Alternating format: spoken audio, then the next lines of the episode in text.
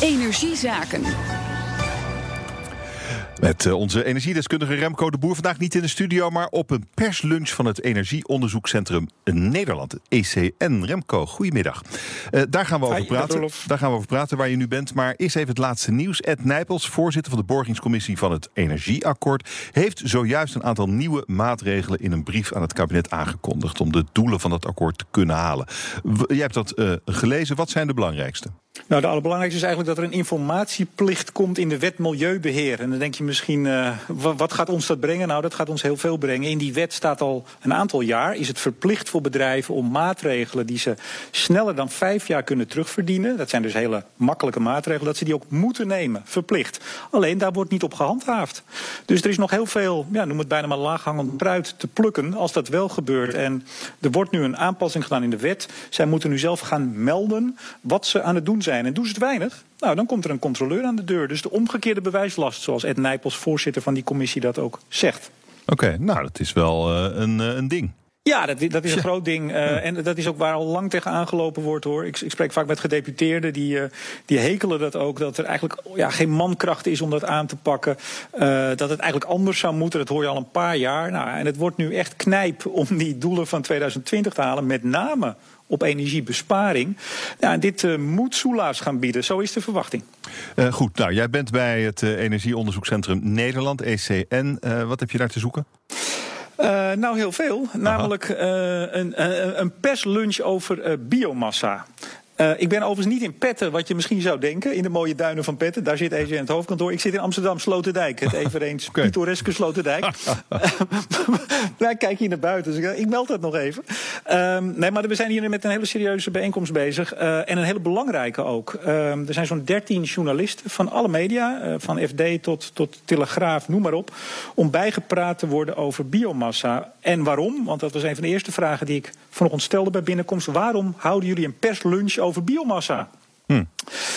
Ja, en dat is omdat ze toch, ECN, uh, een van de rekenmeesters van het kabinet ook als het gaat over onze energietransitie, dat ze het beeld wat er van biomassa bestaat buiten, uh, ja, willen nuanceren. En even in mijn eigen woorden, ze ergeren zich volgens mij groen en geel aan hoe dat soms gaat. Bij Arjan Lubach, niet zo lang geleden, werd biomassa even met een paar zinnen volledig met de grond gelijk gemaakt.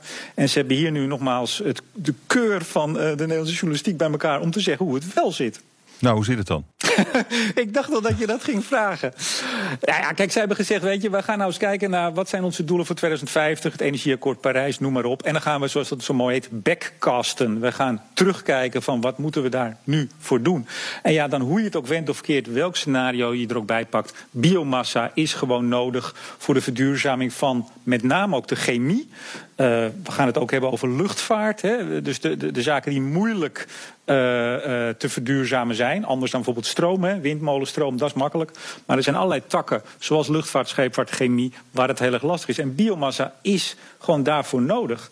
Um, ze zeggen wel, ja, je moet het natuurlijk zo goed mogelijk, zo hoog mogelijk in de waardeketen inbrengen. Hè. Dus waar is het het meeste waard? Nou, misschien wel in de chemie, bij medicijnen bijvoorbeeld ook. En vervolgens energie. Uh, en ja, ze zeggen ook, de tijd dringt. Er is versnelling nodig. Want willen we die doelstellingen halen in 2050, dan moeten we aan de bak en moet ook het kabinet, moet de regering ja, perspectief bieden dat er ook, ja, he, dat ze ermee verder kunnen, dat er ook subsidies beschikbaar komen om het uiteindelijk ook voor elkaar te krijgen. Wat, wat is daarvoor nodig? Hoe schat jij de toekomst in voor biomassa in ons land? Nou, kijk, als je ziet dat het uh, gewoon eigenlijk nodig is. We hadden trouwens ook, hebben hier te gast, uh, uh, Mark Londo. Die is van het Copernicus Instituut van de Universiteit Utrecht. Die geeft wat meer de, de wetenschappelijke achtergronden.